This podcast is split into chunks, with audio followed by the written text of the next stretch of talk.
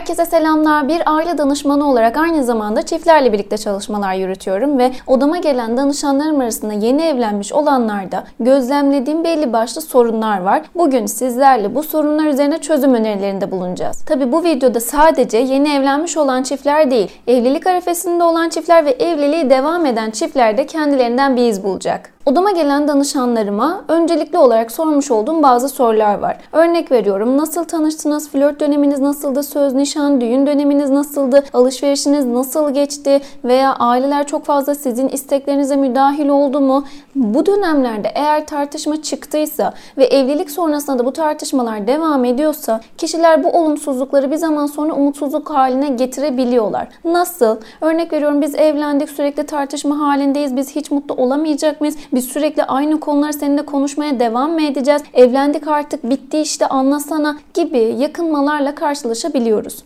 Böyle dönemlerde tavsiyemiz şu. Eğer henüz evlenmediyseniz muhakkak karşı karşıya gelin ve bu konularda bir anlaşmaya varın. Evlendiyseniz de muhakkak bu konuları artık çözmeye çalışın.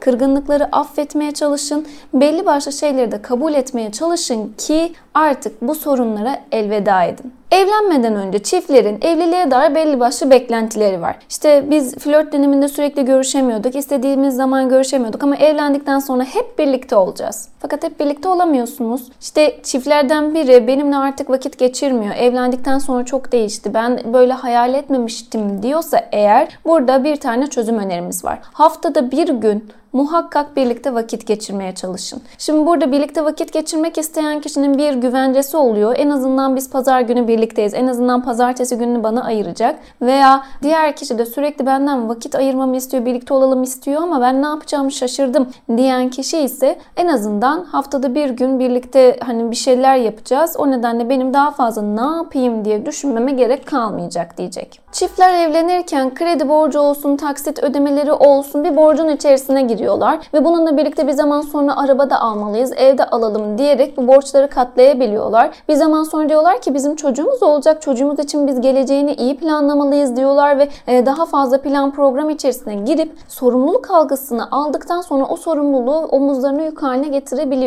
E bu durumda neyi öneriyoruz? Evet, geleceğinizi iyi planlamanız lazım. Evet, hepimiz çalışıyoruz. Fakat şunu da unutmamamız lazım. Bugün bir daha geri gelmeyecek ve sizin bugün düşündüğünüz bu sorumluluk bu yük algınız sizin mutluluk heybinizden götürüyor olabilir. Lütfen eşinizle o geçireceğiniz kıymetli vakitleri çöpe atmayın. Şimdi bizler ataerkil toplumdan geliyoruz ve e, babalarımıza, annelerimize çok fazla yardım ederken görmedik. Evde erkek figürü çok fazla evin işiyle, evin düzeniyle ilgilenmedi.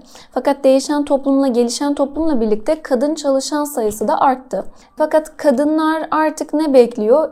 ben de çalışıyorum, sen de çalışıyorsun. Dolayısıyla biz bu evin işini birlikte halletmeliyiz. Fakat erkeğin de haklı olduğu bir yan var. Ben daha önce görmedim. Nasıl yapılacak bilmiyorum. Evet erkek yardım etmeli. Fakat kadınların da burada şunu yapması gerekiyor. Örnek veriyorum çay içildi ve bardağını mutfak tezgahına mı bıraktı? Teşekkür edin takdir edin. Takdir edin ki bu evin düzenindeki gelişmeler devam etsin. Evin düzenindeki erkeğin rol oynadığı kısım daim olsun. Çiftlerimde gözlemlediğim bir diğer husus da şu. Kişiler kimi zaman evlendikten sonra senin sahibim benim imajını sergileyebiliyor. Nasıl kıskançlıklar meydana geliyor, kısıtlamalar meydana geliyor ve kişi diyor ki ben evlenmeden önce böyle değildim. Ben çok rahat bir insandım. Dolayısıyla ben artık sıkılıyorum. Benim hiç hayal ettiğim evlilik böyle değildi. Lütfen sizlere tavsiyem şu. Evet evlendiniz ama sizin hayatınız sadece evliliğinizden, evinizden ve eşinizden ibaret değil. Dolayısıyla özel hayatınız devam ediyor. Arkadaşlık ilişkileriniz olsun, aile ilişkileriniz olsun, iş ilişkiniz olsun bunların hepsinin devam etmesi gerekiyor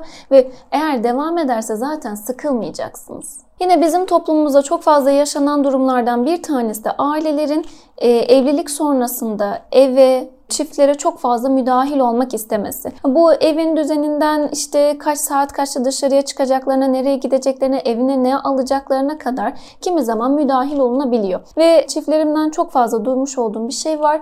Eşim buna izin veriyor. Eşim hiçbir sesini çıkartmıyor, hiçbir şey söyleyemiyor. Eşim evlendiğimizin ve artık onun ailesinin ben olduğumun farkında değil. Böyle durumlarda ne yapın? Muhakkak eşinizle birlikte konuşun muhakkak eşinizi karşınıza alın ve beklentilerinizi anlatın. Ve eşinize deyin ki artık biz bir aileyiz. Biz kendi kararlarımızı kendimiz verebiliriz. Eşinize bunu fark ettirmeye çalışın ama lütfen suçlayıcı olarak değil senden bunu istiyorum veya benim böyle bir beklentim var ben böyle hissediyorum diyerek eşinize ulaşmaya çalışın. Lütfen şunu unutmayalım. İnsan ilişkilerinin en temel kaynağı iletişimdir. İletişiminiz kuvvetli olsun. E, yorumlarınızı muhakkak bekliyorum çünkü hepsini okuyorum ve yanıtlamaya çalışıyorum. Dinlediğiniz için çok teşekkür ediyorum. Sevgiyle kalın.